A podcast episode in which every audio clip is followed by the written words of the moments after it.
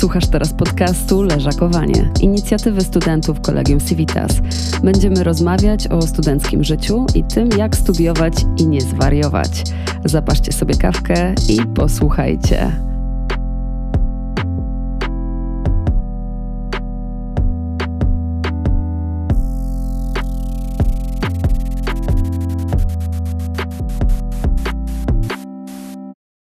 Cześć w kolejnym odcinku podcastu Leżakowanie. Dziś odcinek dosyć ciekawy, bo normalnie studenci kojarzą nam się z bardzo młodymi ludźmi, którzy są zaraz po maturze, ale czasami zdarza się, że na studia decydują się osoby, które są już nazywane przez dzieciaki dorośli. Taką osobę mam dzisiaj tutaj na swoim fotelu na leżaku. Jest nią Kuba Gołębiowski, przedsiębiorca, muzyk, który po trzydziestce postanowił pójść na studia. Cześć Kuba. Cześć, cześć. Zacznijmy od tego, dlaczego to zrobiłeś. Hmm, dlaczego to zrobiłem? To powiem szerszy kontekst, bo wtedy będzie dlaczego ta historia tak się potoczyła, jak się potoczyła. Więc y, moja droga studencka zaczęła się we Wrocławiu, kiedy miałem no, standardowy wiek. Y, od razu po liceum poszedłem, skończyłem tam studia z zakresu turystyki i rekreacji ze specjalizacją organizacja imprez masowych. Bo wtedy bardzo chciałem takie rzeczy robić, bardzo mnie to interesowało i to był jedyny przedmiot, y, kierunek, przedmiot i uczelnia w Polsce, którą znalazłem, która była zbliżona do czegoś takiego, co właśnie chciałem robić. Po tym miałem agencję eventową i imprezową KGS Art Media. Zajmowałem się zawodową muzyką i jakby te studia, no powiedzmy, że wystarczały, ale później poszedłem ostro w marketing i w agencję marketingową. Teraz zarządzam jedną i, i bardzo dużo się w trakcie nauczyłem. Mnóstwo rzeczy. E, mnóstwo książek przeczytanych, jest cała tutaj branż, w branży marketingowej, jest szczególnie w Warszawie. Nie powiem, że jest wyścig, ale jest taka sympatyczna konkurencja między ludźmi zajmującymi się marketingiem e, pod kątem wiedzy. Jest taki głód wiedzy, wiedzy jest, są książki, które wypada przeczytać z tematu zarządzania, mhm. E, finansów, marketingu oczywiście, tematów ekonomicznych, społecznych itd., tak itd. Ale co, weryfikujecie to? Czy ktoś przeczytał książki? Jakieś konkretne? Jest, są takie spotkania tych marketingowców, przedsiębiorców i słuchaj, stary, pamiętasz rozdział trzeci. Wiesz co, w tym świecie przedsiębiorców, marketingowców to po prostu w, w, trakcie rozmów na co dzień to mnóstwo, mm, mnóstwo tematów, tematów jest poruszanych pod tym kątem, tak? Czyli są sytuacje, gdzie spotykamy się na imprezie, na piwku i ktoś tam mówi, że to przeczytał, to przeczytał, są odniesienia do książek w trakcie rozmów, więc można powiedzieć, że nie powiem, że wypada. No dobra, no wypada coś czytać, tak? Wypada są te książki, które każdy powinien przeczytać, które każdy powinien znać. I one są niesamowicie rozwijające. Mhm, ale to było za mało. Może nie za mało, wiesz co? Bo jest tak, że jeszcze powiem troszkę naokoło. Duża część specjalistów branży i przedsiębiorców nie ma studiów żadnych po prostu się rozwijają i edukują sami z siebie, tak? I też byłem taką osobą. I też bardzo dużo czytam, mnóstwo książek. Ale stwierdziłem, kurczę, i tak moja e, droga rozwojowa, intelektualno-uczelniana ma się skończyć tylko na tym licencjacie, który kiedyś zrobiłem i samodzielnej edukacji. Mówię, no kurczę, czegoś mi brakuje, czegoś mi trochę tak brakuje, chciałbym coś więcej, kto wie, co dalej będę chciał robić, się rozwijać i miałem tylko licencję, czyli nie miałem magistra. Więc stwierdziłem, dobra, idziemy. I moja przyjaciółka, taka jedna, wymyśliła mi studia i znalazła. Taka, która teraz podcasty prowadzi na jednej uczelni. Nie wiem, o kim mówisz. Ja też nie wiem. Już nie pamiętam dobrze. Y, wymyśliła, mówi, Kuba, znalazłam ci świetne studia i to był e-business na SGH. Jest to podejście bardzo holistyczne do biznesu, do marketingu. Nie jest to specjalizacja, jest to bardziej generalizacja i na moje przedsiębiorcze tutaj i szerokie spojrzenie i potrzeby to jest szał w dziesiątkę. I w wieku 31 lat poszedłem na magistra. Jestem teraz po pierwszym roku, zaraz zaczynamy drugi. Ostatni. Ostatni, ale, do, ale już myślę o doktoracie. Mhm. Non stop myślę, nie wiem dlaczego, ale aż mi szkoda jest właściwie tego, że y, napiszę pracę magisterską, obronię i koniec. Mhm. I mówię, i co dalej? Już? A czym się różni studiowanie po 30 względem studiowania przed 30, a właściwie po 20, może tak powiedzmy. Dla mnie, powiem z mojej perspektywy, bo z perspektywy innych osób może być inaczej. Historycznie i społecznie my dojrzewamy później niż kiedyś. To, że w średniowieczu 13-latka była mamą, a 15-latek ojcem i, i, już pracowali w pełni, jakby utrzymywali rodzinę, y, to było normalne. Teraz później nasi rodzice już 20, plus, a teraz się dzieci ma y, zwykle koło 30. I jakby te etapy życia, ta dojrzałość na poszczególnych etapach, z racji, że nasze życie się rozciągnęło. Nie wiem, czy wiesz, że aktualne dzieciaki, które się rodzą, niektórzy naukowcy mówią, że średnia, demografowie, że średnia wieku będzie powyżej 100 lat. Średnia. Mhm. Tych, co się 2021 teraz rodzą, rozwój medycyny może doprowadzić do tego, że będą mieli ponad 100 lat. Czyli jak średnia wieku się tak rozciągnęła, to właściwie te punkty też się rozciągnęły. Dlatego ja uważam, że ja osobiście w wieku 20 paru lat nie byłem w pełni dojrzały, żeby wyciągnąć wartościowe rzeczy ze studiów. Teraz jestem. Teraz jest tak, że poznałem sporo świata, prowadziłem firmę, zatrudniałem ludzi, miałem bardzo dużo trudnych sytuacji, dużo książek, dużo wiedzy zdobyłem samemu. I dla mnie studia są takim dopełnieniem. Powiedzmy, że miałem tort, w którym paru kawałków brakowało, a teraz e, studia dołożyły, tak? Śmiesznie jest, bo zdarza się, że na studiach omawiamy książki, czy jakieś materiały, czy jakieś modele biznesowe, czy zarządzania, które ja pół roku temu czytałem, czy rok temu sam z siebie, po prostu wypada. I nagle mi wykładowca pokazuje jakąś książkę, mówię, tak, czytałem ją dwa miesiące temu, nie? To jest dopełnienia. Okej, okay, bo kiedyś jakim kluczem się kierowałeś, kiedy wybierałeś te studia turystyczne, a jakim kluczem teraz mogłeś się kierować poza radą dobrej przyjaciółki? Jest na świecie coś takiego modnego jak gap year, tak? Czyli polega na tym, żeby po studiach zrobić sobie przerwę. Popróbować dużo różnych rzeczy, zobaczyć, co chce się w życiu robić. Ja tego nie miałem. Y, poszedłem od razu liceum studia i te studia po prostu było takie, hmm, jaka jest oferta dydaktyczna na rynku i co w miarę by było blisko mnie. I tak wybrałem te studia, bo po prostu byłem wtedy zajerany po uszy muzyką, chciałem robić imprezę, organizować i to później się działo, tak? Ale te studia po prostu były zrobione jakby z rozpędu. A teraz nic nie muszę, a bardzo chcę, nie mam żadnego parcia ze strony e, rodziców, społeczeństwa, pracodawcy, e, co tam sobie można wymyślić i w pełni świadomie wybrałem to, co chcę robić i czego chcę się uczyć. A myślisz, że da się to osiągnąć e, zaraz po maturze? Wiesz, no nie możemy sobie często pozwolić na to, żeby po maturze zrobić sobie przerwę i popróbować różnych rzeczy i się zastanowić grubo nad tym, co chcemy studiować. No tylko musimy wybrać któreś studia. Często kierując się podobnym kluczem do tego, którym ty się kierowałeś, czyli blisko, nie wiem, uczelnia publiczna, więc za darmo, albo nie wiem, mamy swoje tam sposoby. No ale musimy iść na te studia, bo w tych czasach, jak pewnie wiesz, nieposiadanie nawet licencjatu, no to już jest troszeczkę problem, jeżeli chcemy robić e, karierę w zawodach, w których dopiero później jest doceniane Twoje doświadczenie. Więc jaką byś miał radę, może dla osób, które wybierają sobie studia po liceum, żeby mogły gdzieś tam uniknąć takich błędów, jakie ty myślisz, że popełniłeś względem wyboru studiów turystycznych? Bo teraz rozumiem, że jesteś totalnie zadowolony z tego kierunku, na którym jesteś, bo on jest sprzężony z tym, jakie są Twoje zainteresowania, czym się zajmujesz zawodowo. E, ty sam poszukujesz, mówisz, że te studia są dla Ciebie uzupełnieniem. Czy da się coś takiego osiągnąć w, e, w momencie, kiedy jest się młodym człowiekiem zaraz po maturze? Dobra, powiem szczerze, w bardzo wyjątkowych sytuacjach. Są kierunki, które mają wpływ na karierę, które umożliwiają w ogóle karierę, a są dzisiaj takie, które może uzupełniają, może są potrzebne, może nie. Ja w życiu nie pracowałem na etacie. Właściwie nigdy u nikogo nie pracowałem, tylko zawsze u siebie. Nawet jak miałem współpracę, że byłem podwykonawcą, to i tak to nie był etat, etat, 8 godzin dziennie, tylko to były układy B2B, i to były. Więc właściwie nigdy nie, nie pracowałem. Ciężko mi się do tego odnieść. Są na pewno zawody, które wymagają studiów, jak wszelka medycyna, prawo i tak dalej. Ale kiedy ja prowadziłem swoje działalności, to ja mogłem podstawówki nie skończyć. Nikt nigdy mnie nie spytał.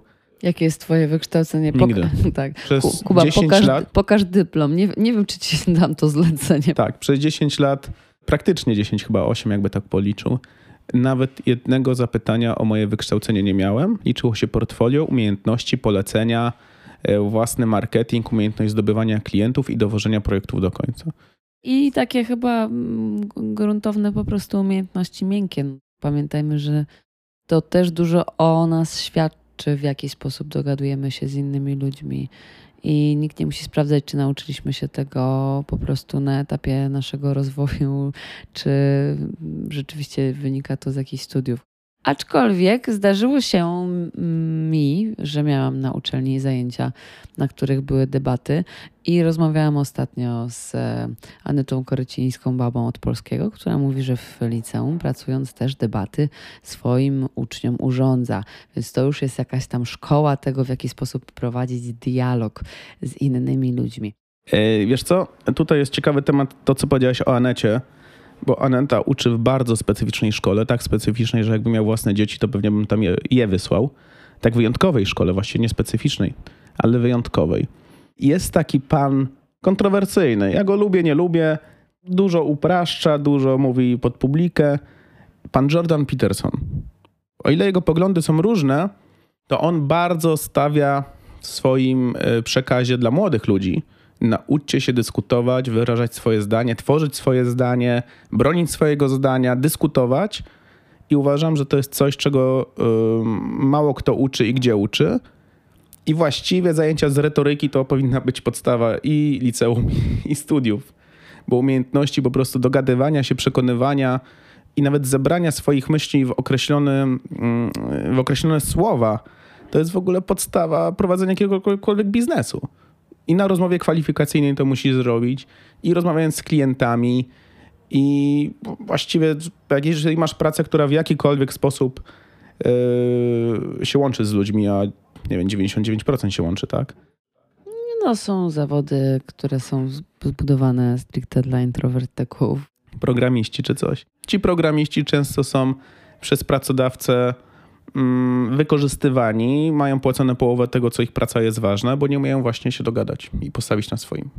I znam takie przykłady z, własnej, e, z własnego towarzystwa, że są programiści, którzy są tak dobrzy, że zanikają im umiejętności społeczne i właściwie wzrost ich umiejętności programistycznych nie przekłada się na ich korzyści finansowe, bo bardziej by się na korzyści finansowe przełożyło to, żeby umieli retorykę. No ale nie każdy chyba względem charakteru czy, czy osobowości jest w stanie się tego nauczyć, nie? Albo czasami może być to wybór, nie? Nie wszyscy musimy rozmawiać i lubić rozmawiać z innymi ludźmi i chcieć to robić, nie? To jest jakby wolność. Oczywiście też. Nie każdy musi czerpać korzyści finansowe z życia i później się cieszyć z życia dzięki temu. Można też nie czerpać korzyści finansowych i też się cieszyć z życia. Wiem, ale tutaj mówimy na o, cały czas kontekst mój jest taki, na ile studia i wiedza studyjna się zdobyta na studiach przekłada się na, nazwijmy to, karierę. Więc moim zdaniem u mnie nie przełożyło się w ogóle. Bardziej przełożyło się to, że jestem odpowiedzialny, wygadany, samowystarczalny, samodzielny i umiem, no trochę przebojowy, potrafię czasami być i to się przydaje, tak? Jesteś na studiach zaocznych? Zdecydowanie na zaocznych, nie dałbym rady na dziennych. A powiedz, jak wygląda średnia wieku Twoich kolegów y, z roku? E, średnia wieku ludzi y, jest 9 lat niżej niż mój wiek. Okay. Nie jestem przekonany, ale chyba jestem najstarszy na roku i jest wesoło. Okej.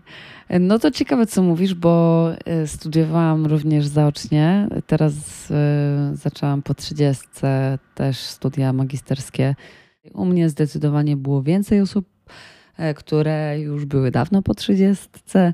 U ciebie nie. Możliwe, że jesteś jedną z osób najstarszych, ale to chyba wynik kierunku, który wybrałeś, bo no, myślę, że więcej osób po 30 może sobie wybrać stosunki międzynarodowe jako kierunek, a mniej osób może się kierować w stronę e-biznesu.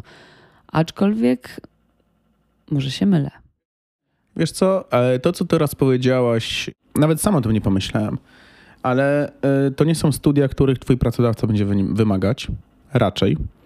E, to są studia dla ludzi, którzy chcą ten e-biznes prowadzić, szczególnie, że te studia nie są dla specjalistów, są dla generalistów, tak?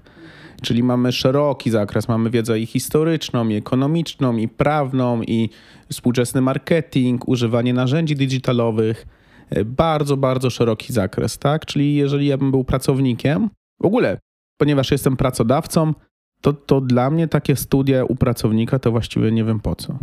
bo pracownik potrzeba często do specjalizacji. Ktoś może być po 30 na studia menedżerskie iść, bardziej takie no, wąska specjalizacja do konkretnego zawodu, tak? E, ten kierunek, który jest mój, jest ogólnorozwojowy, więc może to z tego wynika. Okej, okay. ale myślisz, że przedsiębiorcy, którzy prowadzą biznes, myślą, że mm, w związku z ich doświadczeniem wiedzą już tak dużo, że nie potrzebują się tam gdzieś tą wiedzą dobijać na studiach? Tak, takie masz wrażenie, że to młodzi ludzie, którzy myślą o tym, żeby być przedsiębiorcami, wybierają taki kierunek, a ci, którzy, już przedsiębiorcami są, e, nie interesują się tym, żeby pójść na studia, które gdzieś wzbogacą ich wiedzę, właściwie to wzbogacą ich doświadczenie o wiedzę. Wiesz co, to jest śmieszne, bo e, dużo ludzi, których ja mam na studiach, pracuje w różnych firmach, tych oczywiście młodszych niż ja ale ciągle jeszcze mi się tak wydaje, że są na etapie poszukiwań i ciągle właśnie tak ogólnorozwojowo myślą. E, przedsiębiorcy są różni. Niekoniecznie to jest środowisko intelektualistów. Czasami jest ktoś, kto po prostu umie zarabiać pieniądze, jest dobry w jednej poszczególnej elemencie i nie potrzebuje wiedzy szeroko ekonomicznej, gospodarczej, zarządzania, bo na przykład znalazł swoją niszę i na tej niszy jedzie całe życie. I dużo jest takich przedsiębiorców. E, ostatnio nawet moja znajoma, która największy sukces finansowy z mojego towarzystwa osiągnęła, duży, międzynarodowy, powiedziała, że w momencie, kiedy jej firma wystrzeliła, to właściwie w ogóle przestała czytać i się rozwijać, bo nie ma po co.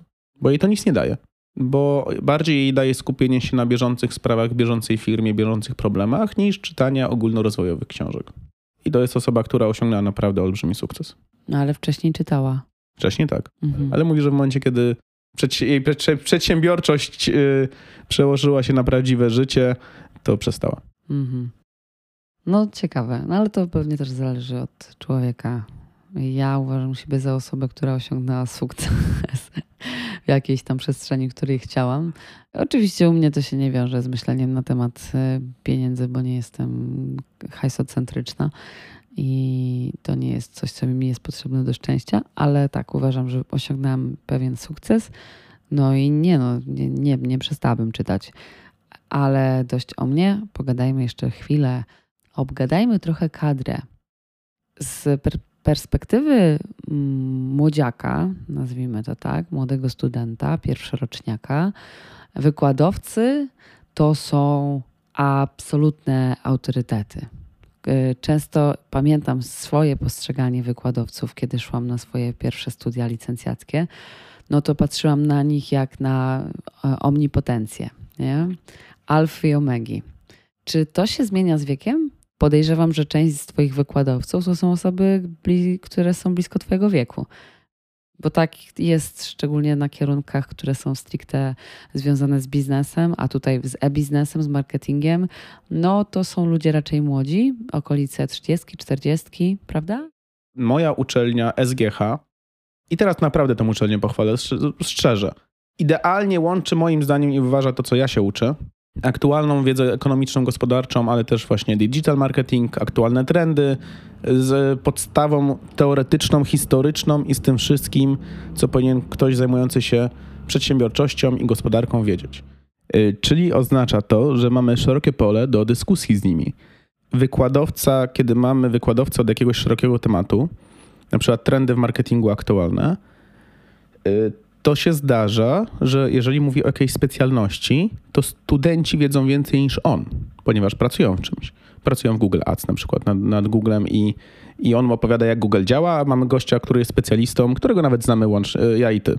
Konrada. Konrad Bąk. Tak? Konrad działa, 5 e, lat pracuje w branży i narzędzie to zna od góry do dołu ale jest fajnie, bo u nas jest bardzo szerokie pole do dyskusji i wykładowcy, kiedy widzą, że ktokolwiek pracuje w czymś, w aktualnych trendach i widzi, co się dzieje, to mu głos oddają i prowadzi wykład. On mówi o jakimś narzędziu, jak coś działa, a nagle Konrad się odzywa, no ja w tym pracuję 5 lat i wiem bardzo dużo. On wie więcej, jak działa Google Ads niż, niż nasz wykładowca, no bo on się tylko tym zajmuje, tak? U nas jest bardzo szerokie pole do dyskusji, Niektórzy wykładowcy wręcz zachęcają do dyskusji i nawet trochę wymuszają, że tak powiem. Bardzo dobrze, bo to się super sprawdza, miałem zajęcia finansowanie spółek technologicznych, gdzie było o giełdzie, o aktualnej sytuacji na giełdzie i każdy wykład zaczynał się, jedna trzecia wykładu to była dyskusja o aktualnej sytuacji na giełdzie, gdzie okazało się, że moi studenci to współstudenci, ci 9 lat ode mnie młodsi, to już na giełdzie zasuwają jak stare byki i po prostu wiedzę, jaką mieli i jak trzymali rękę na pulsie, sami inwestowali, zarabiali na giełdzie, to byłem w szoku.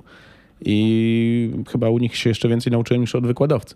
Są zajęcia te takie typowe, jak historia myśli ekonomicznej, jak prawo. No tam nie ma jakby co dyskutować. Jest jak jest, trzeba się nauczyć. Ale to, co jest związane z aktualną sytuacją, nazwijmy to ogólnie biznesową, to bardzo dużo rozmawiam. Czyli dla przedsiębiorców, jakbyś tak miał powiedzieć, y, czy polecasz, czy nie polecasz studiowanie, to. Nie polecam, bo ja teraz mam przewagę konkurencyjną. Czyli zaletą studiowania jest to, że daje nam przewagę konkurencyjną studiowania po 30. No to jest ciekawe. Yy, powiem tak wprost.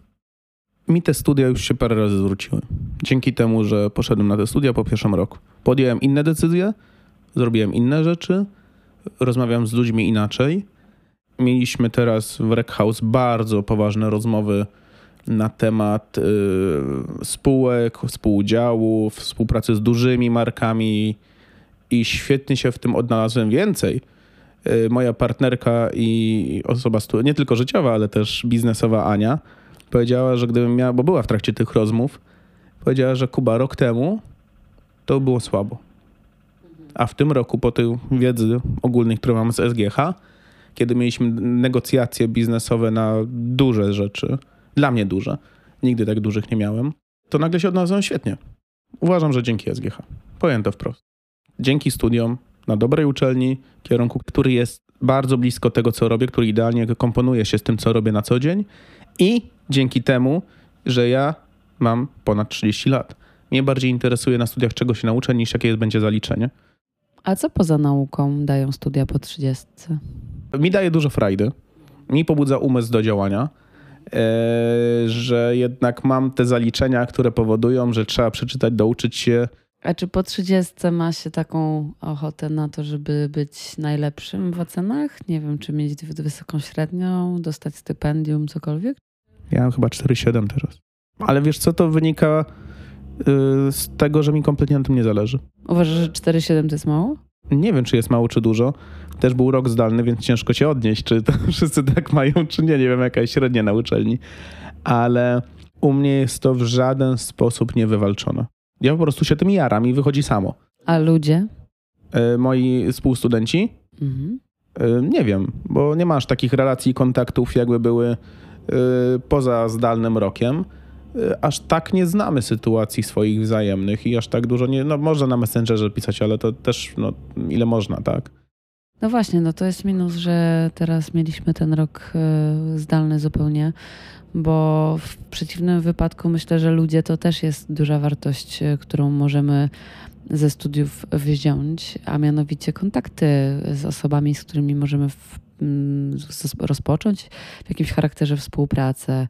Jeśli jesteśmy na podobnym poziomie, no to nie wiem, nawet właśnie gdzieś tam się wspierać w tym, co robimy. Jeżeli jesteśmy na poziomie już pracodawcy i poznajemy młodych, ambitnych ludzi, którzy mają wiedzę, możemy pozyskać nowych, fajnych pracowników. Nie wiem, możemy w przyszłości gdzieś, to, to może stanowić taki, mm, taką inwestycję długoterminową w relacje, że kiedyś, kiedyś ci ludzie staną się naszymi może klientami, może, może współpracownikami. Angażujesz się w jakieś aktywności e, na uczelni? Coś robisz poza tym, że studiujesz? Szczerze powiedziawszy, e, to trochę nie mam czasu. Moja praca jest bardzo angażująca, to co, czym się zajmuję jest bardzo angażujące. Ja żegluję i bardzo chciałem iść do klubu SGH żeglarskiego, bo jest na przykład. No ale rok e, pandemii nie ma, nie było żadnych organizowanych działań. E, chciałem iść do jednego stowarzyszenia biznesowego, prywatnie, przed uczelnią. Okazało się, że jej prezes studiuje, aktualny prezes studiuje ze mną na roku. I też chciałem iść do nich się tam mm, poangażować, ale problem jest taki, że nie ma spotkań, no bo pandemia. Może teraz się wszystko zmieni. E, jeżeli chodzi o jakieś inne aktywności studenckie, uczelniane, no ja niestety muszę sobie często od tego odpuścić. Mamy integrację tu w Warszawie swojej, naszego roku i zdarzyło się parę razy i się dobrze bawiliśmy. Ale to tyle właściwie. Mhm. A gdyby nie pandemia, to myślisz, że byś się angażował w jakieś y, koła albo cokolwiek właśnie? Może żeglarski klub, spoko, fajny pomysł. Wiesz co, no niestety, y, jak to się mówi, gospodarka jest to działanie, kiedy jest ograniczone dobro i alternatywne zastosowanie. Jeżeli ja mam iść na jakieś organizacje studenckie i tam siedzieć 3 godziny, czy 4, czy 5, no niestety mm, mogę to korzystniej wykorzystać u siebie w pracy muszę to poświęcić. Trudno, no nie, nie jestem w stanie robić wszystkiego, już się tego oduczyłem i, i nie angażuję się chociażby z tego powodu. No jednak jestem na tym etapie życia, że więcej korzyści mam robiąc swoje rzeczy zawodowe niż właśnie z takich stowarzyszeń. Jakbym był na, 9 lat młodszy jak moi współstudenci, to na pewno bym korzystał. A widzisz jakieś minusy studiowania po 30? Nie. Nie, mówię absolutnie nie, nie widzę. Yy, nie widzę żadnego. Gdybyś mógł jeszcze raz wybrać, zrobiłbyś to samo? E, ale wybrać wszystko, czy tylko te uczelnie, czy ten e, tutaj tą szkołę, czy kierunek? No tak, gdybyś cofnął się te dwa lata, czy kiedy podjąłeś decyzję na temat tego, że idziesz na studia i rozważałeś to, czy, czy zrobić to, czy nie zrobić to, czy podjął, czy ty, gdybyś teraz stanął z tą wiedzą e, przed tym samym pytaniem, to podjąłbyś to samą, tę samą decyzję. Jedyną rzecz, którą mógłbym zmienić, to że jednak iść na te studia 2-3 lata wcześniej. Ale też nie jestem przekonany w pełni, bo możliwe, żebym. Dla mnie w tym momencie jest idealnie, tak? Mhm. Czyli dosłownie jest to komplementarne, uzupełniające, wzmacniające moje kompetencje, codzien... które mam na co dzień, tak? E, w momencie, kiedy było, poszedł 2-3 lata temu, to właściwie chyba to. Nie, właściwie nic, niczego nie żałuję, w dobrym momencie poszedłem. Kuba, jak ci się ze mną tutaj leżakuje? Nie, no spoko. Akurat siedzę, ale jest wygodnie. Tworzymy taką platformę pomiędzy Kolegium Civitas a Szkołą Główną Handlową w tym momencie. Platformę porozumienia międzystudenckiego. Między starszych roczników. Starszych, starszych roczników. Kabaret starszych studentów, tak? No dobra, to zbliżając się powoli do końca, może byś zechciał powiedzieć coś jakiś taki apel, komunikat wystosować do naszych młodych albo też starszych osób, które słuchają podcastu, które myślą o tym, żeby może właśnie pójść na studia troszeczkę później, albo właśnie są po 30 i zacząć studia i rozważają to, to co byś im powiedział? Wpierw pomyślałem, że nie jestem kompetentny i nie czuję się na siłach, żeby takie rzeczy mówić, ale z drugiej strony dużo dostałem dla mnie komplementów od moich współstudentów, bo mówią: Kuba, ty jesteś super, bo ty jesteś pomiędzy wykładowcami, a nami i jesteś jeszcze praktyk. I oni mówią, że dużo, że my lubimy z tą gadać, bo, bo masz zupełnie inne spojrzenie, którego nigdzie indziej na uczelni nie dostaniemy, tak? Więc może się postaram powiedzieć właśnie coś innego niż yy, wszyscy mówią. Dla zaczynających studia bym powiedział tak, zawalenie studiów nie jest żadną tragedią. Zmiana studiów nie jest żadną tragedią. Przerwa w studiach, jakie miałem chyba 8 lat, nie jest żadną tragedią. Nic złego się z tego nie stanie. Oczywiście, jeżeli się nie studiuje medycyny, prawa, innych takich tematów, które są trudne i, i te studia to jest po prostu, droga zawodowa jest bardzo ciasna, konkretna i tylko jedna możliwa opcja, tak? Życie ma nieskończone możliwości. Wszystkiego można się nauczyć z wielu różnych miejsc i żeby nie stawiać na to, że studia to jest być albo nie być. Absolutnie tak nie jest. Tak jak mówię, mi przez wiele lat mogłem nie skończyć podstawówki, liczą się inne rzeczy i tyle. Studia to nie jest być albo nie być. Bardzo ważne, bardzo potrzebne, ogólnorozwijające, ale jeżeli masz iść na studia i płacić y, albo zaocznie, albo tracić czas dziennie tylko po to, bo trzeba mieć zaliczenie, bo, bo tak wypada, to w ogóle o tym zapomnij. A co byś powiedział tym osobom starszym, bliżej naszego wieku? Że nieważne jak bardzo myślisz, że jesteś mądry, to zawsze się na studiach czegoś wartościowego możesz nauczyć. A dużo czasu to zajmuje?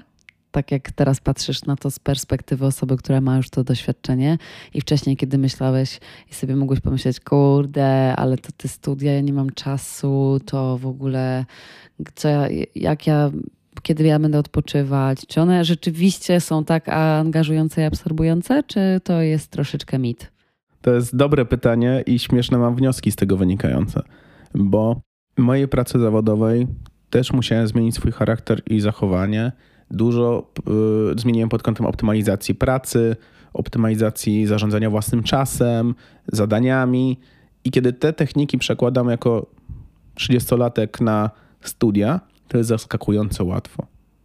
Dla mnie mój, mój licencjat był dla mnie trudniejszy niż obecny magister, gdzie poziom jest drastycznie inny, ale po prostu okazuje się, że no tak brzydko mówiąc, codzienność mnie tak zahartowała, że studia nie są aż tak dużym wyzwaniem. Ja to rozumiem. Chyba mam podobnie. Tylko ja się jeszcze angażuję w no działalności tak. pozastudenckie. No ja się już no, stricte biznesowe to jest moje angażowanie się w różne tam spółki, udziały, nieudziały i rozwijanie biznesów, więc yy, no to są moje aktywności, które mnie pochłaniają. Mhm. No i może w przyszłości doktorat. No myślę o tym i to najgorzej, że miałem sytuację, gdzie rozmawiałem z doktoratami, nawet z mojej uczelni, doktorantami, przepraszam, z doktorantami z mojej uczelni, szczerze mi to odradzali. Miałem sytuację, gdzie jedną książkę na Oliksie sprzedawałem. Yy, przyjechał do mnie na rowerze właśnie wykładowca i 40 minut gadaliśmy. I naprawdę mnie zniechęcił, szczerze, bo jak pogadałem, co robię, czym się zajmuję, jak to wygląda w moim życiu, to mówi, no tylko stracisz. Tylko stracisz, będziesz dużo czasu, nieproporcjonalnie mało na tym zarobisz. I no i po co ci to? I tak nie chcesz na tej uczelni zostać. Ja mówię, no nie chcę. No ale i tak to ciągnie. Kurczę, cały czas myślę, że zobaczymy jak to będzie. Kubo, dziękuję Ci za to, że poświęciłeś dzisiaj czas dla naszego podcastu i że opowiedziałeś swoją historię, która jest niezwykle ciekawa i myślę, że dla wielu osób może być bardzo inspirująca. Życzę Ci, żeby spełniły się Twoje te wszystkie plany i żebyś mógł spróbować e, i zadecydować, czy studia doktoranckie są dla Ciebie, czy nie. I no, żebyś e, skończył te studia, które już zacząłeś, to mówią e, anglosasi with flying colors. I czego mogę Ci jeszcze życzyć? Powiedz mi, czego mogę Ci życzyć? Nie powiem, że stypendium, bo nie, nic z tych rzeczy. Niczego nie musisz mi życzyć. Wszystko jest super i, i, i, i dziękuję bardzo za te życzenia. To tak naprawdę pokrywają mhm. większość rzeczy. E, a ja dziękuję bardzo za zaproszenie tyle. No. Mam nadzieję, że moja wiedza i te słowa, co powiedziałem, coś tam komuś może pomogą. Może nie. Może ktoś podejmie inną decyzję. Może, może się zachęci do studiów, a może zmieni je. Kto wie może. A Was, drodzy słuchacze, zachęcam do słuchania tego i poprzednich odcinków oraz kolejnych odcinków podcastu Leżakowanie. Jeśli chcecie, żeby jakiś temat pojawił się w naszych odcinkach, napiszcie do nas na adres podany w opisie. E, zachęcamy Was do tego serdecznie. Jeżeli ktoś z Was chce także pojawić się jako gość w odcinku, także do nas piszcie. No i do zobaczenia, do usłyszenia w kolejnym odcinku. Cześć!